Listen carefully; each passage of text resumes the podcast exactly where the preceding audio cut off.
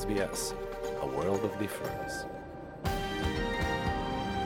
You are with SBS Mongolian on mobile, online and on radio.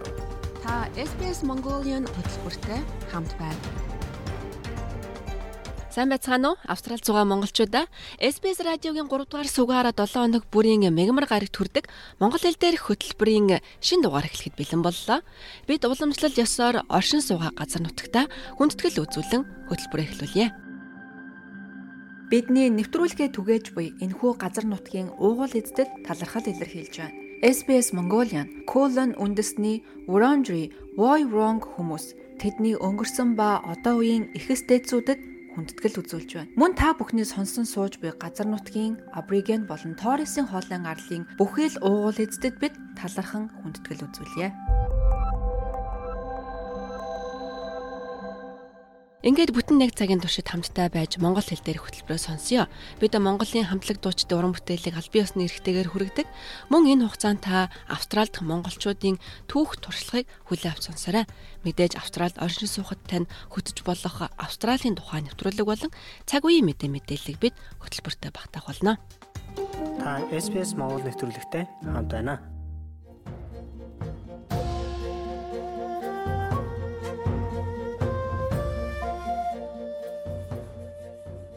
Сайн байцгаана уу Австрал зугаа монголчуудаа удахгүй болох сар шинийн баярт зориулан SBS Mongolia цуврал ярилцлага хүргэж байгаа.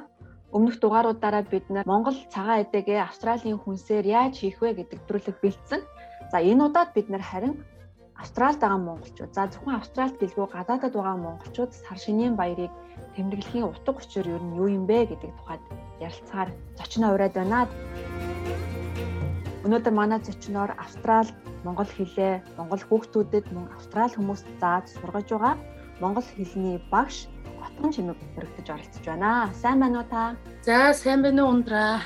Чамд энэ өдрийн мэндийг хүргэе бас одоо SBS радиог сонсож байгаа бүх сонсогчдоо энэ өдрийн мэндийг хүргэе. За баярлалаа. Огийн чинь маань хүмүүс таних байхаа Мела гэдэг монгол хэл заах юм төвийг саяхан нээж ажиллаж байгаа. Монгол хүүхдүүдэд монгол хэлийг бас монгол бичгийг заах юм зорилготой төв нээж ажилласан. Тэгэхээр та өөрийгөө манай сонсогчдод товчхон танилцуулахгүй юу? За миний одоо бүтэн нэр бол Отхон Чимэг. За энэ дээрэд би Оги гэдэг нэртэй болсон. Ягаад гэвэл миний нэрийг хэлэхэд нэлийн урт учраас Оги гэж нэрээ болгосон байж байгаа. За тэгээд би бол ерөөсөө монгол хэл монгол үчгийг 20 жил одоо гадаадын хүмүүс монгол хүүхдүүд ингээд зааж байгаа.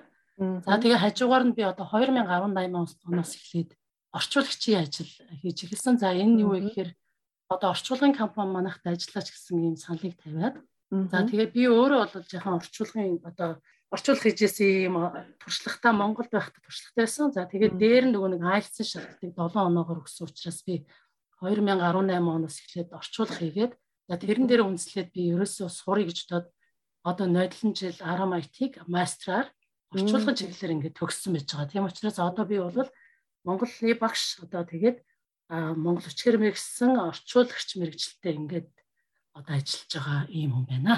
Аа. За баярлалаа. Таныг бас монголчуудтай монгол хэлээ заадаг ер нь уулзсан хүмүүстэй монгол өвс хоёлаа бас танилцуулж явдаг учраас би энэ удаагийн дугаар тохирно гэж бодож урьсан юм аа. Тэгээд тэгэхээр та бол Австралид баггүй олон жил сар шинийн баяраа тэмдэглэж байгаа хүн юм байна. Ер нь цагаан сараа яаж тэмдэглэдэг вэ? За ирснээсээ хойш бол одоо энэ ковидын 2 жилийг тооцох юм бол би тасралтгүй цагаан сарыг одоо тэмдэглэж ирсэн бүр албан ёсоор. За энэ ямар ч та гэхээр эхлээд би өөр Монгол хэлний багш хүн.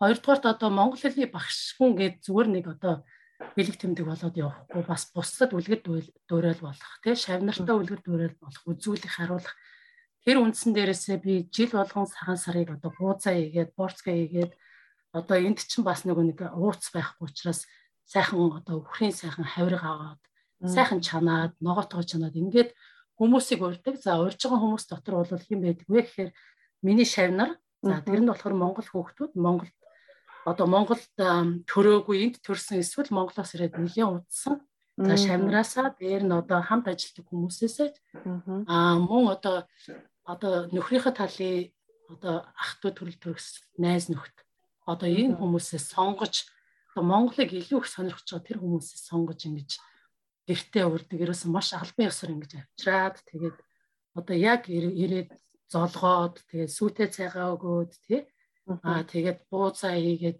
шүл одоо хоол одоо бүх юмар ингээд дайлдаг.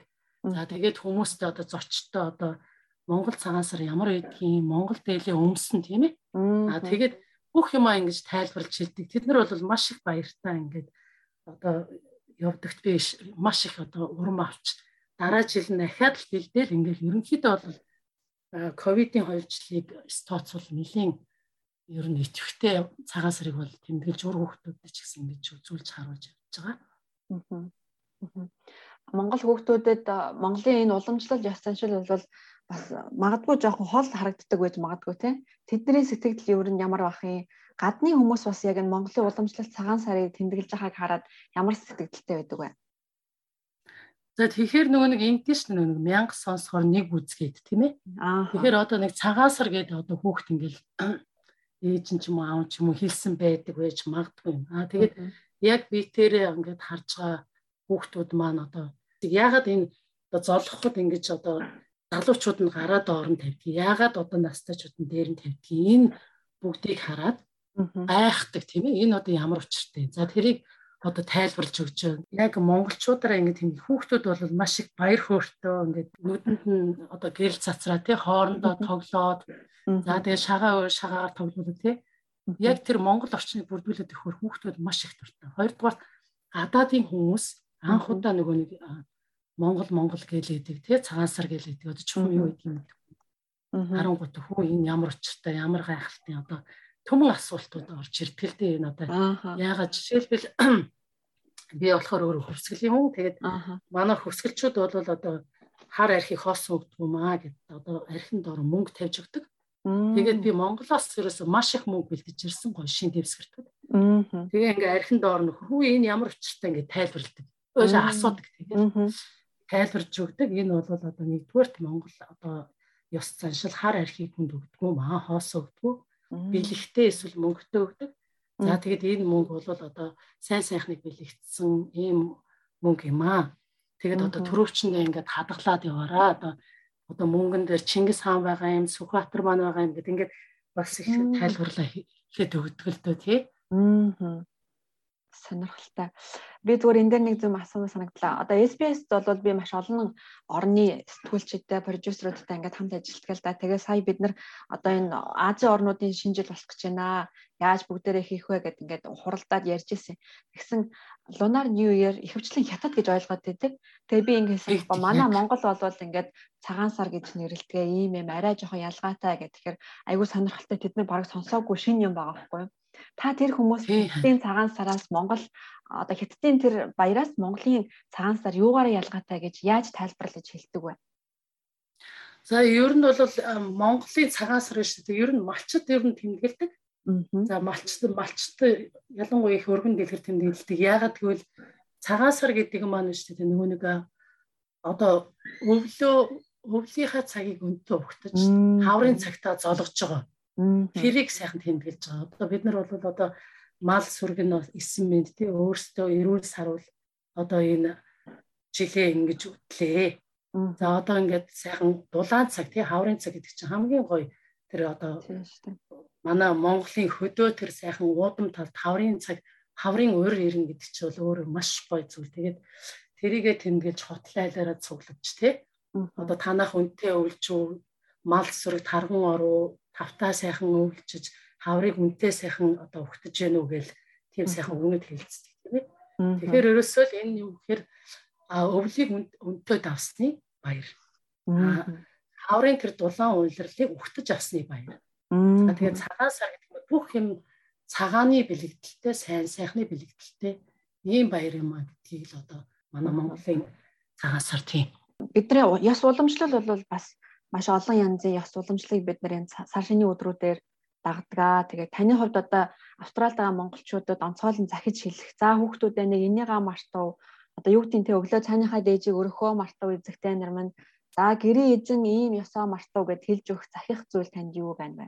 Гэрээ эзэгтэй өглөө босоо цааныхаа дээжийг тэнгэр эцэг газар ээжтэй цааныхаа дээжийг өргөөд тэгээд нөгөө нэг сайхан үүлээ хөөсөн тэнгэр цэмцгэр үсээ самнсан ихнэр цэмцгэр Үнсээ цэвэрсэн тулах цэмцгэр гэдэг шиг ингээл гэр орон сайхан цэвэрхэн тэгэл цайгаа юугаа тэгээд тэр цайныхаа дээжийг бурхандаа өргөөд тэгээ хандаа өгөөд.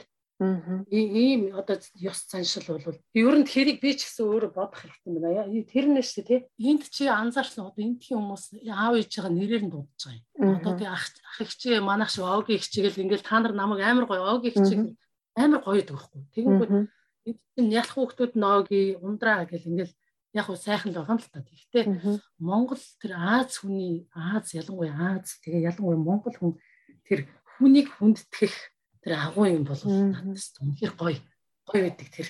Тий. Бид нар таа гэдэг үг байдаг тий. Тий таа гэдэг үг. Ер нөхрөө хүнд тий газар тэнгэрээ хүнд тэр чинь одоо хүний имиж нэг гоё айгүй гоё юм. Одоо монголчууд ч яг нэг хэн нэгэн өвдлөө зовлоо хэвт чи ингээд нэг нийтээр гараад ирдэг тий тэр хүн чанар тэрэн дээр хүндэтгэл дээр байдаг юм болов уу гэж би ойлгодог шүү дээ За одоо тэгээд энэ гадаад байгаа хүмүүс одоо ажил гэр гэл одоо ерөнхийдөө бол Монгол ёс заншлаа баг мартаад байна шүү дээ тийм ээ. Тэгэхдээ одоо тэрийг мартаж болохгүй. Ерөөсөө тэр одоо наадмаар цагаан сараар одоо Монголын уламжлалт тэр баяраар одоо хүүхдүүдтэй одоо цагаан сар гэж юм байдгийг гэдгийг Монгол дээлээ өмсөөд сайхан хувцсанраа өмсөөд хоол ундаа одоо яаж цагаан сарыг тэмдэглэх тэрийг ерөөсөө хүүхдүүдэд тэр тухайн үед нь үзүүлэх хэрэгтэй тэмдэглэх хэрэгтэй гэж би бодож байна. Бүр албан ёсоор тэмдэглэх хэрэгтэй. Бүр за одоо тэхийн тулд одоо яах вэ гэхээр миний нэг бодол байдаг юм л да. Одоо монголчуудын холбоо гэдэг одоо цагаан сарыг одоо өргөн дэлгэрээр одоо энэ сошиал медиа гэдэг одоо олон нийтийн сүлжээгээр маш сайхан сурчлаад дуу муугаа тавиад сайхан одоо цагаан сарын зураг тавиад ингээд сайхан тэр хүмүүсийг сэтэлжүүлээд өгөх хэрэгтэй байхгүй юу? Тэгэнгүүт хүмүүс чинь өө нэрэ цагаан сар болох ч юм. Тэрийг ер нь анханаас нь суураас нь ингэж одоо цаанаас нь түлхэж өгөх хэрэггүй бол бид нар чинь хүний нутагт алс хол хэл соёл бүх юмнаас тасархаа тэгээ одоо өөрсдөө ингэ тэмдэглэхгүй болохоор нөгөө хүүхдүүд яах вэ? Бидний хүүхдүүд чи зүтгэх гэдэг шүү дээ тийм ээ. Ямар хүн болж өсөж байна тийм Монгол хүн болох байна уу? Австрал соёлтой Аз иргэн болох гээд байна уу? Нэг тийм чиглэл өгөх хэрэгтэй юм шиг байгаа тийм. Тийг өгөх ёстой. Тэгэхгүй бол одоо бид нар бид нар бол нэг ясандаа хувиа ичсэн хүмүүс болчиход шүү дээ. Одоо өөрсдийгээл ингээд бодоод явдаг. Ард байгаа хүүхдүүдийнхээ ирээдүй алсыг бүр нэг одоо нэг 10 буудлын цаана хаар гэдэг шиг ард байгаа хүүхдүүдийнхээ ирээдүйг харах хэрэгтэй хүмүүсээ. Тэр цагаан сар тэр баяр гэдэг юмыг үзүүлээч. Би сая түрүү хэлсэн 1000 хэлэхээр 1000 сонсохоор нэг үзүүлээ. Жилдээ нэг хоёр удаа тэр баярыг сайхан тэмдэглэж өгөөд, сайхан хувцас өмсөөд тий сайхан бууцаа хамтарч гээд ингэж хийдэг юм том том хүүхдүүд нь үзүүлээд. Тэгээд тэгэх юм бол тэр хүүхд чинь би хинбэ гэдгийг мэдээд ш тэгэхгүй одоо нэг л англиар ярьсан хэл байхгүй. Англиар ярьдаг соёл байх нөгөө сайхан уламжлалт баяр байх нөгөө эцэг эхчсүүд нь үзүүлэх болох тэр хүүхд чинь юм болж өсөх гээд байна вэ тийм учраас энийг бол багаас нь ерөөсө бүр тэр хүүхдүүд одоо бүр ерөөсө үзүүлж харуулж тэмдэглэх ёстой л гэж одоо би боддгийг. Ер нь үндэсний баяраа тэмдэглэх нь бол бас бидний оо Монгол дархлаа гэж ярьдаг шүү дээ. Би Монгол хүн гэдгээ санаж оо өөртөө сэргээж авч байгаа нэг тийм оо дархлаа авч байгаа нэг өдрүүд юм да чухал өдрүүд юм да тий. Тэгэлгүй явах ёстой маш чухал маш чухал. Ялангуяа Австралид бол дэлхийн маш олон үндэстнүүд амьдарч байна. Тэд нар бүгдээрээ өөр өөрийн гэсэн соёлтой, хэлтэй тэрийг бас өвлүүлээд аваад явж байгаа үндэстэн байна. Орхисон үндэстэн байна тэр дотроо монголчууд бол бас өөрийн гэсэн өв соёлоо хадгалж үлдэх нэг одоо гол өдрүүд бол яа харахгүй манай наадам цагаан сарын өдрүүд байдаг тийм. Ааха. Тэгээд хараа манайхны дотор ийм нэг бодол байгаа юм уу гэж би бодод байна. За за Монгол ямар за бид нар ямар тэнд амьдрах биш тий. За хүүхдүүд маань соёлтой орны соёл тэр хил усын эзэмш. Тэр бол маш буруу шүү. Тэр ёстой маш буруу. Тэр хүүхэд биш тий. Өнөөдөр хүүхэд өнөөдөр энэ одоо австрал орн сайхан байж болно. Би австрал орн сайхан амьдарч, сайхан зүйл сурч байна тий. Гэхдээ хүний их орн, хүний төрлөх хэл гэдэг чинь тэр хүн хинбэ гэдгийг илэрхийлдэг маш том зүйл байдаг учраас тэрийг эцэг эхчүүд минь, аав ээжүүд минь ерөөсөө тэрийг одоо үр хүүхдийнхээ төлөө тэр хэлийн соёлын одоо тэр ёс заншлыг нь бол ерөөсөө үзүүлж харуулах хэрэгтэй. Тэр хүүхдэд хинбэ гэдгийг нь мэдрүүлж явах хэрэгтэй. Ерөөсөө.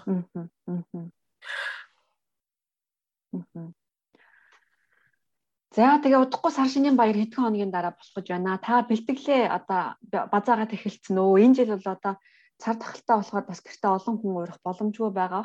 Гэхдээ мэдээж гэр бүлийнхаа хүрээнд тэмдэглэх гэж байгаа. Та энэ жилийн хувьд яаж баяраа тэмдэглэх гэж байна? За яс тугай асуулт. Энэ жил байж тээ одоо би нөгөө нэг 80 гарсан манай ээж аваар ингээд уулзалгүй 2 жил болцсон. Би жил болгооч золгодог. Тэгээ энэ жил одоо Монгол руу явах гад тэгээд билет авсан очиж өстөө нэг ээж хоёр дээрээ цагаан сараа сайхан тэмдэглэе гэдэг ингээд төлөвлөсөн ингээд байж н. Эх 7 хоногт. Аа за за.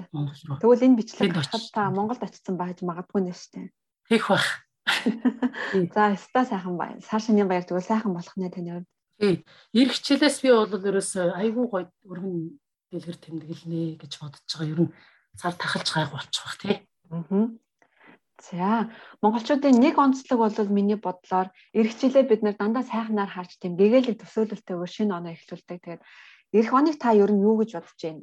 Ямар төлөвлөгөөтэй байна? За эргчил одоо би бол хэд хэдэн зүйлийг төлөвлөсөн байж байгаа. За нэгдүгürt болохоор би энэ ер нь бол өөрөө нэг энэ нийгэмд нэг жоохон ч гэсэн хувь нэмэр оруулаад Монгол өчигдөр маш их ажиллаа. Тэрийг одоо ингээд байлагаар дамжуулан Монгол өчгийг хүмүүс сургыг сурчлаа гэсэн энэ зүйлийг эхэлсэн байгаа. За хоёрдугаар гэх юм бол их хилээ хүүхдүүдэд заадгаараа заанд би одоо ерөөсөө одоо нэг өнгөрсөн жил 2 жил би оюутан байсан маш завгүй. Тэгтэл би хүүхдүүдэд хаяагүй хичээлээ заагаа явуулсан.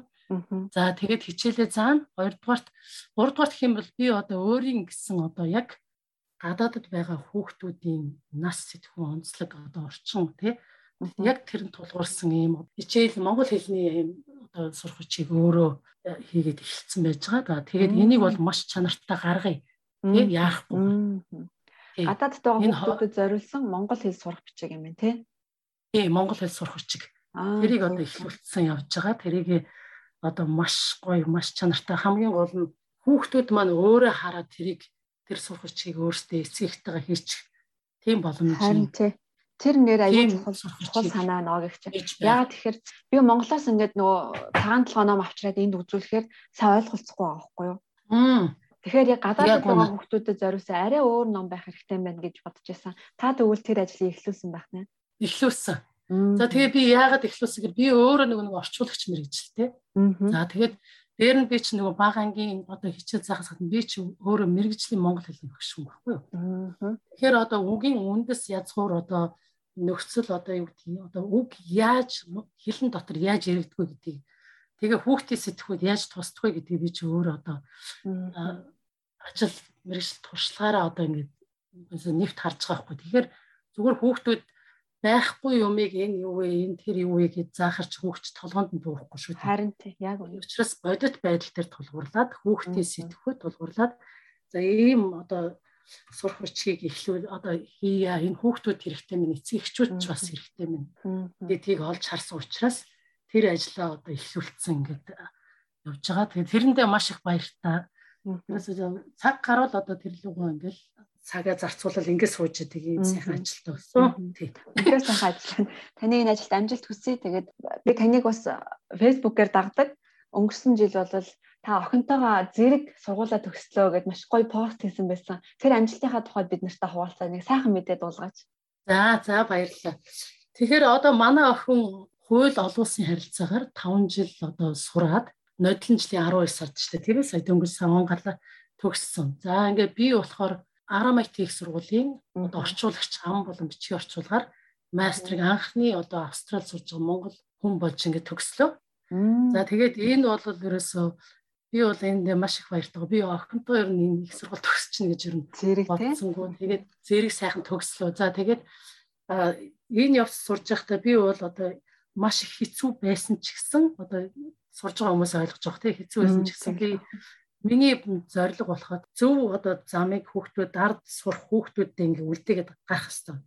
Одоо Монгол оюутан байсан. Оги байсан гэж ярихгүй ш. Оги гэж хүн байга. Монгол оюутан сайн сурч байсан гэдэг утгаараа би одоо ерөөсөө өдөр шөнөгүй маш бага удаж ингэж сурж энэ сургуулаа төгссөн. Тэгээд би одоо энэ сургуулийг төгссөндөө баг зүудэлсэн ч юм уу? Ерөөсөө тэгээ ингэж төгссөндөө маш их баяртай байгаа тий. Нуухгүй бол та хэдэн настай вэ? Ой нуух юу ах вэ? Одоо би 49 настай.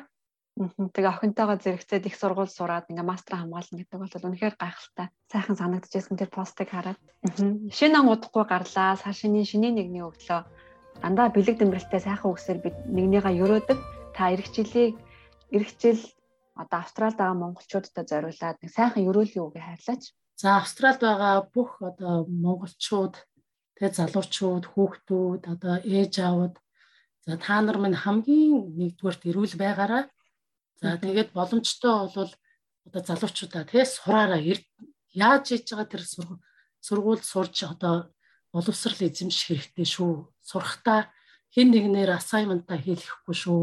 Тийм өөртөө зүтг өөртөө одоо чадна гэж зүтг чадна гэж зүтгэхэд амжилтанд хүрнэ амжилтанд хүрээд хүн улам ирч хүч ордог. Тийм учраас сайн сур.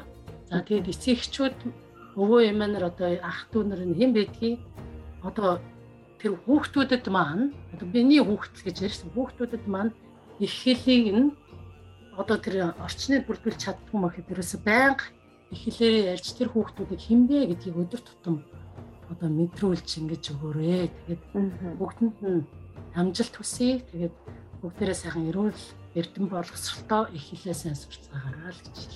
За баярлалаа танд сайхан шинэлээрээ удахгүй эргэжил уулзцгаая. За баярлалаа ундраа бид чиний ажилд бас амжилт хүсье. Одоо маш гоё нэвтрүүлэг бэлдэж бидэнд хүргэдэг. Одоо чамд үнэхээр их баярлалаа. Би тогтмол подкаст одоо SBS радиогийн энэ сайхан бэлтгэсэн зүйлүүдийг байнга уншиж дагаж явдаг шүү. Тэгээд амжилт хүсье. За маш баярлалаа. За баярлалаа. Сайхан шинэлээрээ. Аа баярлалаа.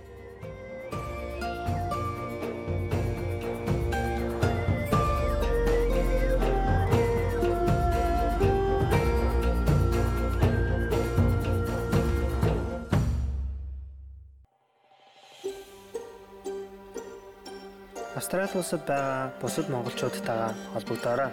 SBS.com.cg юу урагшаа зураас Mongolian хуудасаар зочлоорой.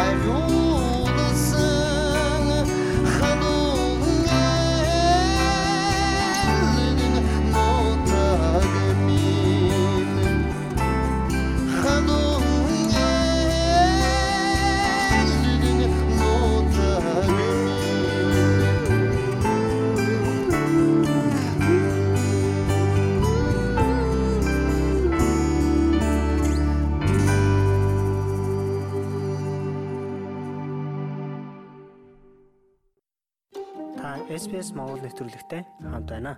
Жил бүрийн 1-р сарын 26 бол Австралийн өдөр. Өмнөх өдөр нь буюу 25-ны үдэш тухайн оны онцлог австралчуудыг шалгаруулдаг. Оны онцлог хүн, онцлог залуу, онцлог ахмад, орон нутгийн баатар гэсэн төрлөөр шалгаруулдаг уламжлалтай. Тэгвэл 2024 оны онцлог австралчуудаар ямар хүмүүс тодорсон тэдний бүтээсэн гайхамшиг түүхээс хуваалцъя. Та SBS Монгол нэвтрүүлэгтэй хамт байна. Бусад сонирхолтой нэвтрүүлгүүдийг SBS.com.cg Mongolian вебсайтаас хүлээн аваарай. Оны онцлог австралчуудаар профессор Ричард Сколиер болон профессор Жоржина Лонг нар шалгарсан юм а. Тэдний хувьд карьераа меланома өвчнийг эмчлэхэд бүрэн зориулсан эрдэмтэд юм. 2023 онд Сколиер тархины эдгэшгүй хорт хавдартай гэж онцлогдсноос хойш тэдний ажил илүү хувийн амьдралтай нь уялдаж иржээ. 25-ны орой Камбери хотод болсон ёслолын үеэр тэд энэхүү оншийнхын талаар ярьсан юм. Би өнөө орой энд тархины хорт хавдрын сүүлийн шатанд орсон өвчтний хуваар энд зогсож байна. Би дөнгөж 57 настай. Би өхмээргүй байна гэж тэр ярьлаа. Би амьдралд гэр бүлдээ, ажилдаа хайртай. Надад хийх зүйл, өгөх зүйл маш их байна хэмээн яриагаа үргэлжлүүлсэн юм а. Сколиерийн хувьд хавдартай хэмээн онцлогдсны дараа хамт олон меланомыг эмчлэхэд гаргасан олон амжилттай тулгуурлан тархины хавдартай тэмцэх дэлхийд анхдагч хэд хэдэн эмчилгээг боловсруулахаар ажиллаж эхэлжээ.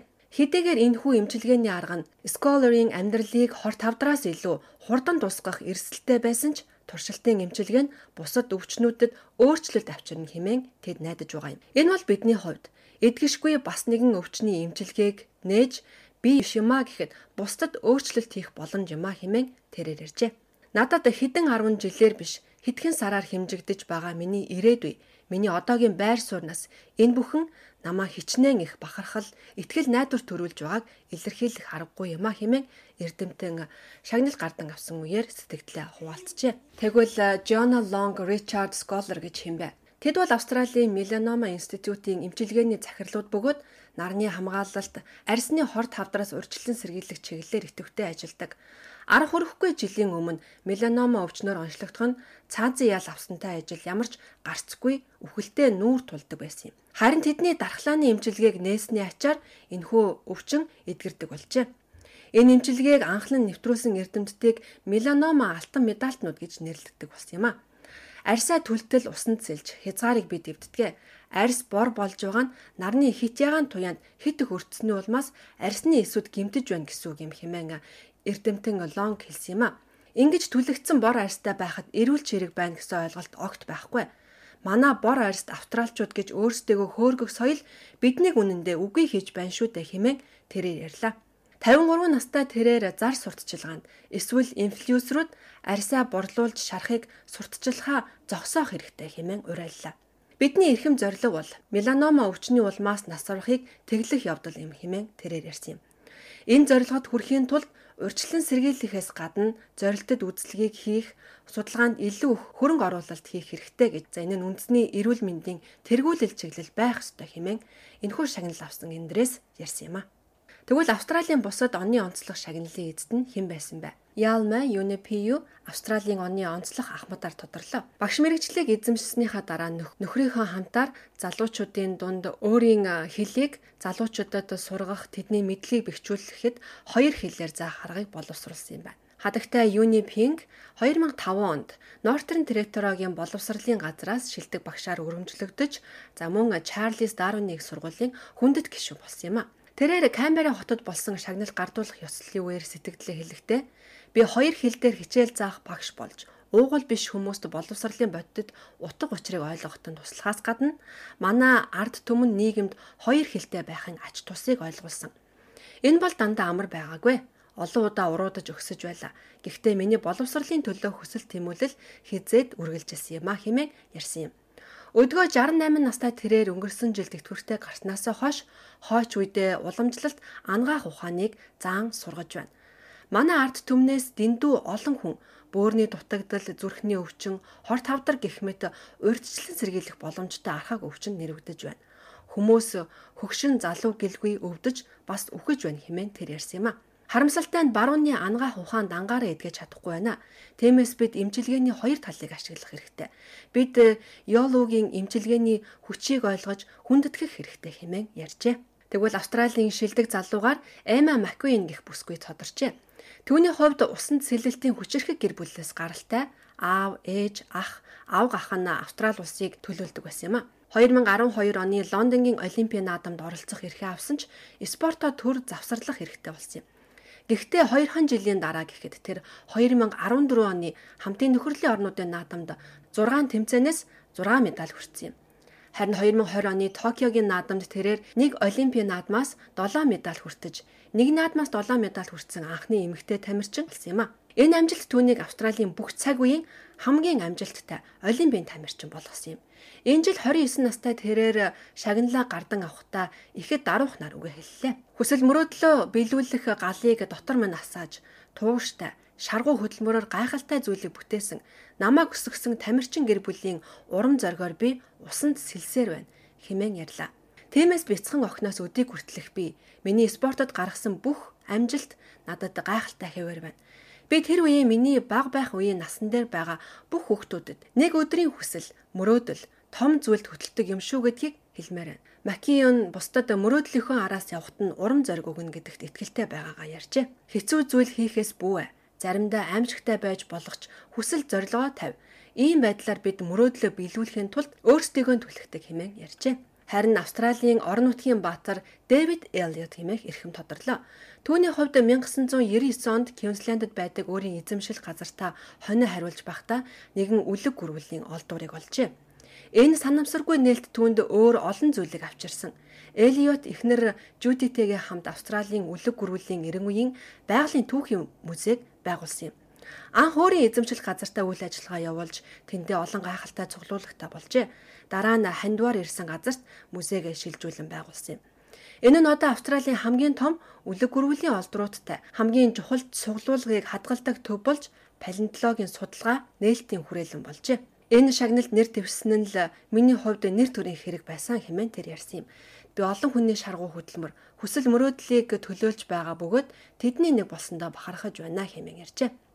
Энэ жил 66 настай Элиот боловсролын ач холбогдлыг онцолж Хэлийн чандад гадаадд байгаа музейтэй өрсөлдөхүйц үндэсний хэмжээний музей байгуулахаар шийдлээ хэмээн ярьжээ. Дэлхийн жишгт нийцсэн байгалийн түүхийн музей байгуулах нь олон сая долларын хөрөнгө оруулалт юм.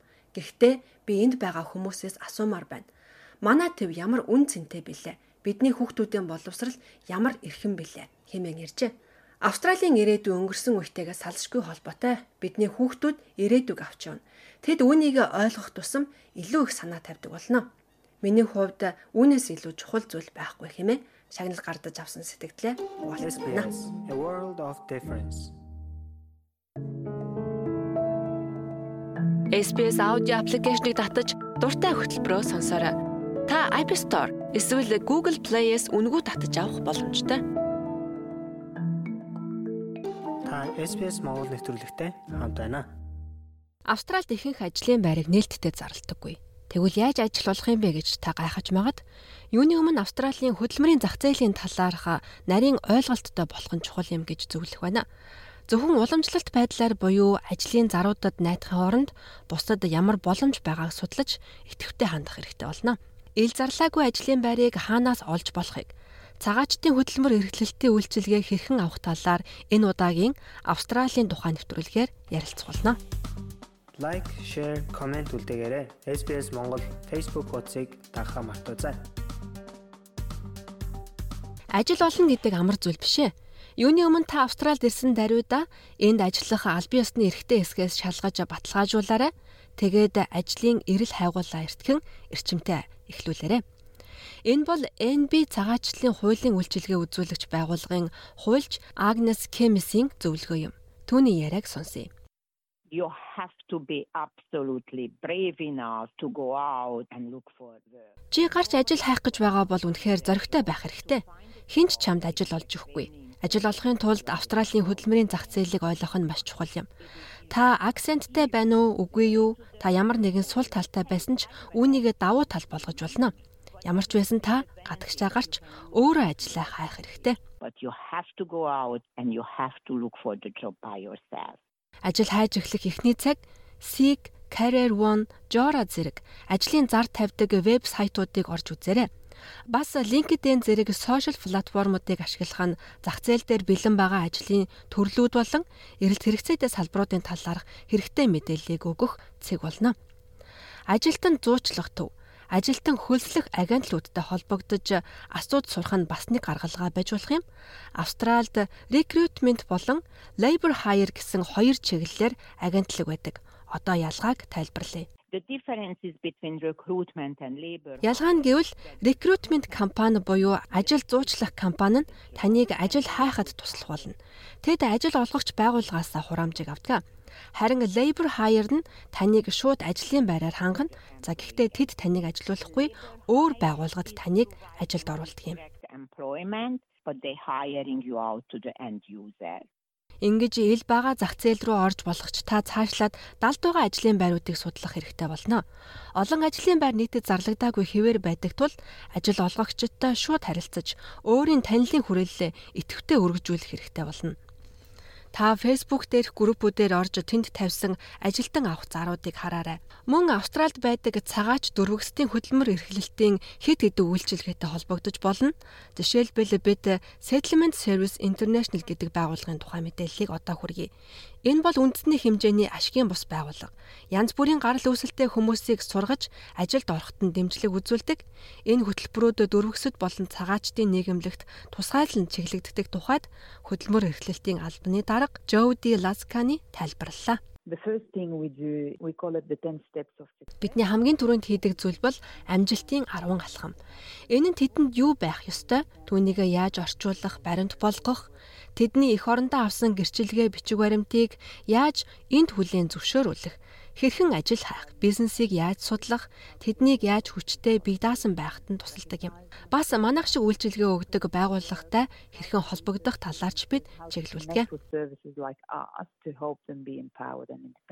Шин цагаачдыг ирсний дараа дөрвөсөд болон орогнол хүсэгчдийг ажилд зуучлах хөтөлбөрүүдээрээ дамжуулан Settlement Service International-тай холбож өгдөг. Таны ур чадварыг үнэлж, ажлын түүхийг тань асууж, таныг карьерийн төлөвлөгөөг харгалзан үздэг. Энэ хөтөлбөрөөр дамжуулан хүмүүс Австралийн стандартад нийцүүлсэн өөрийн резюмиг хэрхэн зөв бичих талаар сургаж, хөдөлмөрийн зах зээлийн талаарх гүнзгий ойлголтыг өгдөг. Хадагтай Ласканы тайлбарлаж байгаагаар хэрвээ та гадаадд мэрэгчлэрээ ажиллаж байсан бол Settlement Service International байгууллагын тусламжтайгаар өөрийн мэрэгжлээ Австралийн нөхцөлд хэрхэн хөрвүүлэх талаар эсвэл нийцүүлэх талаар зааварчилгаа авч болно. For example, if you're a mechanical engineer. Жишээ нь хэрвээ та ойрхт орондод олон тэрбум долларын төслүүдээр ажиллаж байсан туршлагатай механик инженер байлаа гэж бодъё. Тэгвэл яаж энэ салбартаа энд хөлөө олох вэ? Та төслийн менежерээр ажиллаж чадах уу? Та гадаад дахь ажлын чадвараа энд хүлээн зөвшөөрөгдөж байх хооронд ажил дээрээ англи хэлээ сайжруулад өөртөө итгэх итгэлээ нэмэгдүүлж танилын хүрээгээ бий болгох зэрэг бусад шаардлагатай дамжлагуудыг туулж өөрсгөөс ажлын гараагаа эхлэж чадах уу? Энэ бүхний дараа та ажил олдог гэдгийг бид мэднэ ажил чамайг хайхгүй. Энэ бүхнийг хэр хийж чадхаас та амжилттай ажил олж чадна. Settlement Service International хувь хүмүүст ур чадвараа ил гаргах үр дүнтэйгээр орон нутгийн бизнесүүдэд танилцуулах, зах зээлд гарах боломжийг олгодог. Тэд шинээр ирж байгаа хүмүүст орон нутгийн хөдөлмөрийн зах зээлд байгаа сонирхолтой саналуудыг дамжуулж холбоо тогтооход нь тусалдаг юм. Ижил төстэй бас нэг байгууллага байгаа. Энэ бол Австралийн AMES гэдэг газар. Холбооны засгийн газрын Австралийн ажлын хүчний хөтөлбөр болон бусад бие даасан байгууллагуудаар дамжуулан цагаач дөрвөсдөд хөдөлмөр эрхлэлтийн үйлчилгээ үзүүлдэг. Тэд э, ийм хүмүүст ажил олоход тулгарч байгаа саад бэрхшээлийг арилгах зорилготой байдаг юм. Тус байгууллагын олон нийтэд харилцах албаны менежер Лори Нол цагаачтай хамт ирж байгаа ур чадвар амьдралын туршлагыг энд онцоллоо. Бидний хэрэгжүүлж байгаа хөтөлбөрүүдийн нэг бол цагаачтыг ажилд орох замыг хурдсгах зорилготой хөдөлмөр эрхлэлтийн зөвлөх хөтөлбөр юм. Энэ нь цагаачдыг илүү хурдан ажилдаа болгохын тулд илүү сайн зохицуулалт хийх зорилготой юм. Тиймээс бид дөрвөсдийн боловсрал хөдөлмөр эхлэлтийн ажилтнууд нэг дор хамтдаа байж цагаач дөрвөс үйлчлүүлэгч бүрийг ялгаж дараа нь тэдэнтэй өөрсдийн давуу тал, за мөн саад бэрхшээлд ажил орохын тулд юун дээр ажиллах шаардлагатай талаар хамтран ажилладаг. Эдгээр хөтөлбөрүүд нь үнд үлбэргүй байдаг. Мөн Эмис нь мэрэгжилтэй цагаачдыг Австралийн ажлын байранд танилцуулах эрчимжүүлсэн сургалт болох ур чадвартай мэрэгжилтийн цагаачд хөтөлбөрийг явуулдаг юм. Австральд ажлын ярилцлагад яаж орох, улс орнуудад өөр өөр байдаг анкет, резюмег хэрхэн бичих талаар зөвлөгөө авахаас гадна ажлын байрны соёлын талаарх ойлголтыг ч авдаг. Мөн өөрийн салбарт ажилладаг орон нутгийн хэн нэгэнтэй холбогдох заавар зөвлөгөө авдаг юм а. Энэ нь IT, инженер, анагаах ухаан эсвэл юу ч байж болно. Та өөрийн салбарынхантайгаа холбоо тогтооход тэд тусалдаг юм. Эдгээр höтөлбөрүүдийн талаарх мэдээллийг AMS-ийн вебсайтаас дэлгэрэнгүй үзэх боломжтой. Бид нэвтрүүлгийн тайлбар хэсэгт линкүүдийг оруулсан байгаа. Хэрвээ та трейдийн салбарт ажиллах сонирхолтой эмэгтэй бол энэ тухайд бидэнд бяцхан мэдээлэл байна. New South Wales мужийн засгийн газрын Connecting Women to Trade-ийг санаачлах хэрэгждэг. Settlement Service International-аар дамжуулан явагддаг энэ хөтөлбөрийн дагуу барилгын салбарт орж байгаа эмэгтэйчүүд болон энэ салбарынхныг хооронд нь холбож боломж ойлголтыг нэгтгэдэг юм. We're specifically working with businesses and the females on building Бид бизнес эрхлэгчид болон эмэгтэйчүүдтэй хамтран ажиллаж, эхлээд эмэгтэйчүүдийг ажилд авах, тэднийг мэрэгшүүлэх, чадахжуулах чиглэлээр ажиллаж байна. Бид хүнд ажил хийх сонирхолтой эмэгтэйчүүд эсвэл ийм ажлыг хизээч өөрийн ажиллах сонголт биш гэж үздэг эмэгтэйчүүдтэй маш ойр нэгт хамтран ажилладаг. Мөн бид тэднийг салбарын талаарх ойлголтыг нэмэгдүүлж ажил мэргэжлийн өсөлт карьерийн тухай мэдээлэл өгдөг юм. Энэхүү санаачлах нь эмэгтэйчүүдийн хувьд санхүүгийн чадвар ямар чухал болохыг хүлээн зөвшөөрдөг. Учир нь эмэгтэйчүүд бол зөвхөн өөрсдөө төдийгүй гэр бүлээ бүхэлд нь дэмжиж хамт авч явдаг юм. Трейди хүнд ажлын салбарт эмэгтэйчүүдийн оролцоо улам бүр нэмэгдэж байгаа нь нийгмийн томоохон өөрчлөлтийг илтгэж байгаа юм. Эсвэл та асрамжийн салбар зочлох үйлчилгээний салбарт ажиллахаар бодож байсан байж болох юм а. Тэгвэл Австралийн MS эдгээр чиглэлээр мөн мэрэгжлийн сургалтыг явуулдаг. Энэ бол ажилд ороход хамгийн өргөн боломжтой салбарууд юм. Бид мэрэгжлийн ур чадваргүй ч ажиллахыг хүсэж байгаа цагаач болон дөрвөсөдтэй ажилдаг бөгөөд халамжийн үйлчилгээ зочлох салбарт тэдэнд шаардлагатай ур чадвар мэрэгжлийг богино хугацаанд олгодог. Асаргааны салбар нь хамгийн хурдтай хөгжиж байгаа салбаруудын нэг юм. Энэ нь бараг 2 сая хүнийг ажлын байраар хангадаг. Тэгвэл 2025 гэхэд 2.5 сая хүнийг ажлын байраар хангах төлөвтэй байна. Хэдэн сар сайн дурын ажил хийсэн бахан таныг хурдан ажилтаа болоход маш сайн түлхэж болно гэж Каменес ярьж байна. You introduce yourself, you introduce your talent because any migrant who comes to Та өөрийгөө танилцуулдаг. Та өөрийн ур чадвараа танилцуулдаг. Учир нь энэ улсад ирж байгаа бүхий л цагаачд гайхалтай баялаг соёл, ажлын байран дах бие авч явах арга барил, өөр өөр хандлагыг авчирдаг юм а. Үүнийг би одоо ажил хайж байгаа. Магадгүй маш удаан хайсан 30 40 удаа буцаагдсан хүнд зөвлөмөр байна and you had 30 40 50 knockback. Хэрвээ таны ажил хариуцлагатай байдалд сэтгэл хангалуун байвал танд цалинтай албан тушаалыг санал болгож магадгүй юм а. Хадагтай кемээс цалингийн төвшинг судалгааг санал болгож байна one of the most important websites which also Бид энэ салбарт ажилладаг хүний хувьд хамгийн чухал вебсайтуудын нэг бол Payscale юм хийж зөвлөмөр байна. Энэ нь ажил мэргэжил бүрийн дундаж цалингийн талаарх мэдээллийг өгдөг. Та цалингаа тохиролцох тухай ойлголтыг эндээс авна. Үүнтэй адилхан бусад нэвтрүүлгийг сонсомоор байна уу? Apple Podcast, Google Podcast Spotify эсвэл та өөрийнхөө сонсдог апп ашиглан манай нэвтрүүлэгтэй хавд байгаарай. SBS Mongolia-ийн хөтөлбөртэй хамт байгаа танд баярлалаа. Та SBS Монгол нэвтрүүлэгтэй хамт байна. Хэрвээ та Австралид татвар төлдөг бол эх 7 дугаар сарын 1-ээс эхлэн арай багаыг төлнө. Ихэнх ажилчид одоо байгаа татварын шатлалаас арай бага татвар төлөхөөр болсон ч энэ нь маргаан дагуулсан асуудал хэвээр байна. Холбооны засгийн газрын сэнчилсэн төлөвлөгөөгөөр дундаж австралчуудад амжиргааны өртгийн дарамтаас ангиж чарахад туслан хэмээн мэдэгдэж байгаа. Гэсэн ч сөрөг хүчин амлалтаа зөрчсөн хэрэг боллоо хэмээн хөдөлмөрийн намыг шүүмжилж байна. Энэ татварыг бууруулснаар жилийн орлого нь 150 мянган доллар ба түүнээс дээш орлоготой хүмүүс татварын хөнгөлөлт эдлэх боловч анх танилцуулж байснаас арай бага үр шимийг хүртэж байгаа юм. За ингээд татварыг хэрхэн бууруулж байгааг тайлбарлан ярилцъя. Өмнөх хамтарсан засгийн газрын 2019 онд баталсан татварын багц хуулийн нэг хэсгийг өөрчилж байна. Багдуунд орлоготой өрхүүдэд хөнгөлөлт үзүүлэх зорилгоор татварын хөнгөлөлтийн нэг 2 дугаар шат аль хэдийн хэрэгжиж эхэлсэн.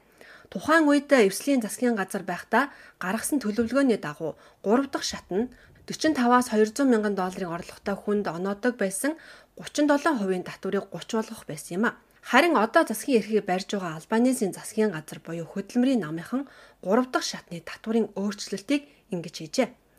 Тэд шинэ бодлогын дагуу 135 мянган доллараас дээш орлоготой хүмүүсийн 37%-ийн татварыг хിവэрүүлдэж харин татварын хамгийн өндөр хувь хэмжээ буюу 45%-ийн татварыг 180 мянган доллараас дээш орлогод тавьдаг байснаа 190 мянган доллараас эхлүүлэхээр болжээ. Харин 350 мянга хүртэлх долларын орлоготой хүмүүст 32.5%-ийн татварыг 30% болгон бууруулж байна.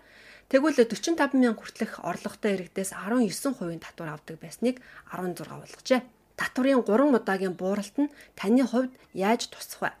Энэ шин татварын бууралтанд 7 дугаар сарын 1-ээс эхлэн хэрэгжиж эхэлнэ. Ихэнх ажилчдын хувьд ашигтай буюу арай бага татвар төлөхөр байгаа юм. Харин өндөр орлоготой хүмүүсийн хувьд татвар бараг 2 дахин буурч байна.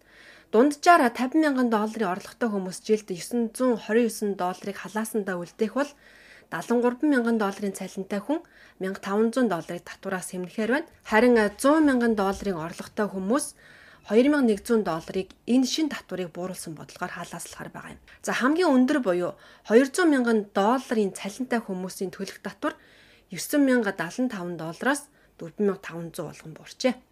Бид нэвтрүүлгийн тайлбар хэсэгтээ таны орлогоос хамааран өмнө нь ямар татвар төлөх байсан за харин одоогийн шинэ өөрчлөлтөөр та хэдэн долларын татвар төлөх вэ гэсэн харьцуулалтыг хүснэгт болгоо оруулсан байгаа. Та өөрийн төлөх татвараа хэрхэн буурч байгааг хараарай.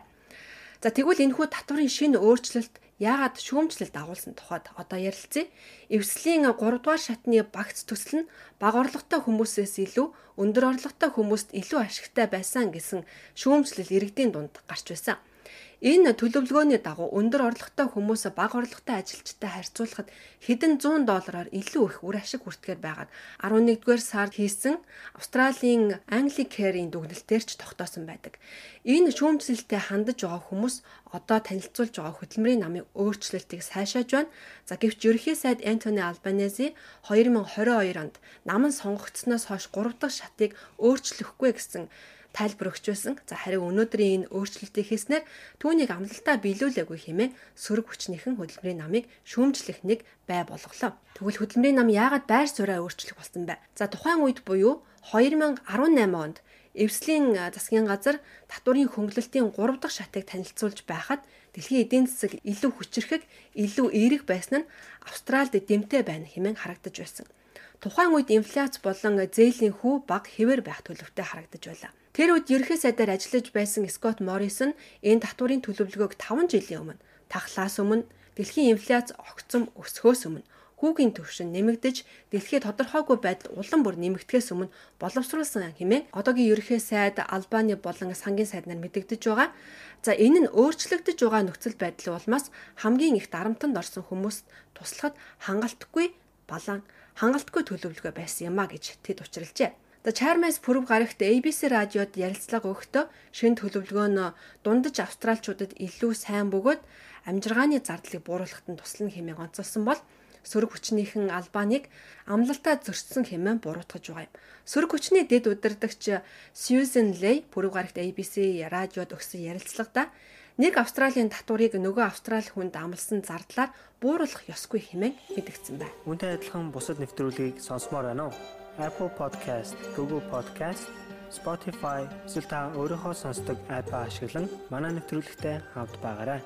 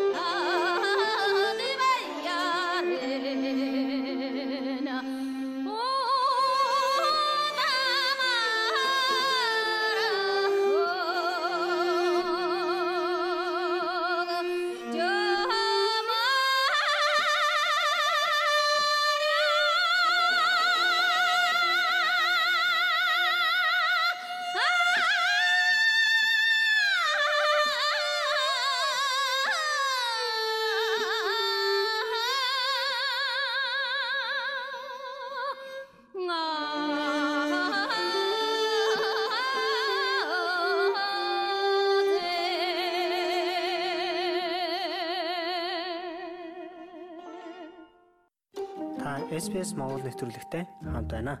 Австралийн хүн ам 27 саяд хүрчээ. Өнгөрсөн 7 хоногийн 5 гаргийн үдээс хойш Австралийн хүн ам 27 саяд хүрснийг статистикийн товчооны хүн амын тоог илэрхийлдэг цонхноос тодхон харж болохоор байгаа юм. 2023 онд Австралийн хүн ам 624,100 хүнээр нэмэгдсэн байна. Энэ өсөлтөөс харахад 2032 он гэхэд 29.2 саяас 30.8 сая хүнтэй болохоор байна. Тэгвэл 2071 он гэхэд 34.3 саяас 45.9 сая хүн амтай болох төлөвтэй байгаа юм. Тэгвэл австралчууд яаж 27 саяд хүрсэн бэ? 2023 оны 6 дугаар сарын 30-ны байдлаар Австрал 26 сая 638,544 хүн амтай байсан гэдэг тооцоололд үндэслэн 27 саяд хүрлээ хэмээн тооцож байгаа юм. За энэ нь 1 минут 42 секунд тутамд 1 хүн төрж харин 2 минут 52 секунд тутамд 1 хүн нас барж байгаа юм.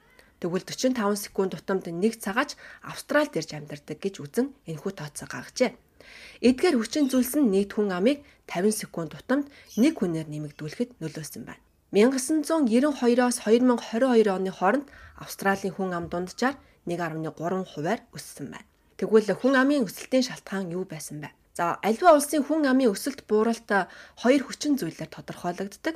За нэгдүгээрт байгалийн өсөлт хэрвээ тодорхой хугацаанд төрөлт нас баралтаас олон байвал хүн амын өсөлт нэмэгдэнэ гэсэн үг юм.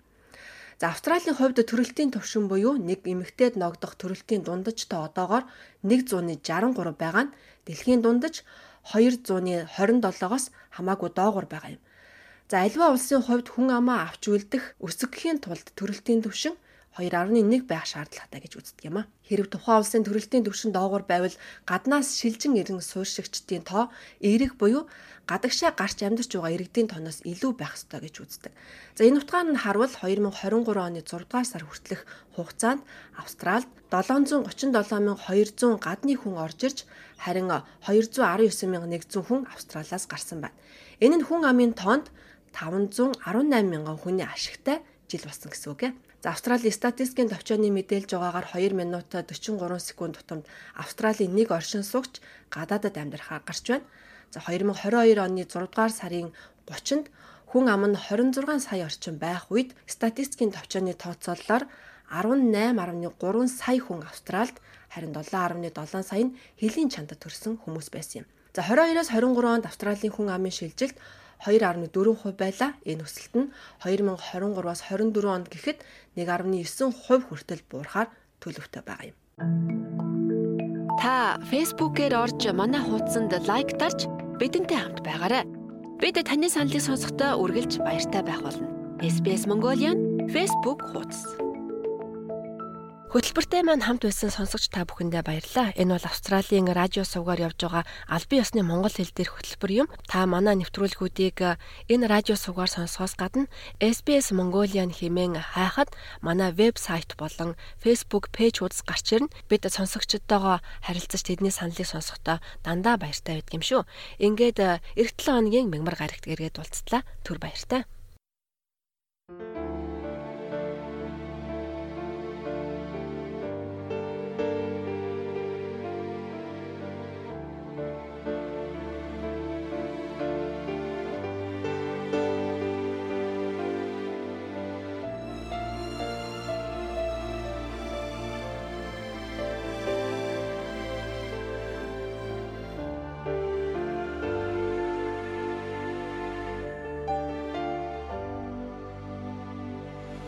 Хэрвээ хүмүүс цэцэг хингээвэл хэр талын хинцхэн сарнайви арвин дэлхий шиг ачилтэж таныхаа алганы толион дээр ургасан байж таарна. Арвин дэлхий шиг ачилтэж таныхаа алганы толион дээр ургасан байж таарна.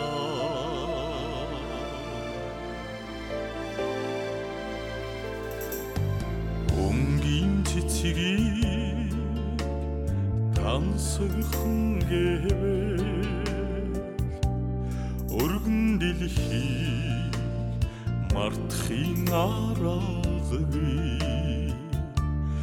өөрийн дүрийг нар шиг гэвэлж хүлэмжийн гэрэлэн таних байж таарна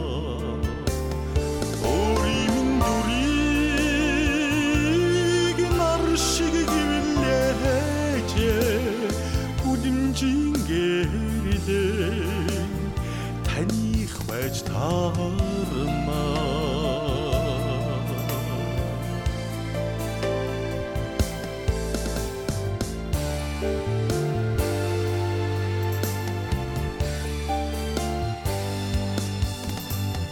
эдийн жаргалыг танд амлагч дэлгэр зун шиг насаран Тэнгэр шиг ачлал таних шүэж дэлхий шиг хүндлэл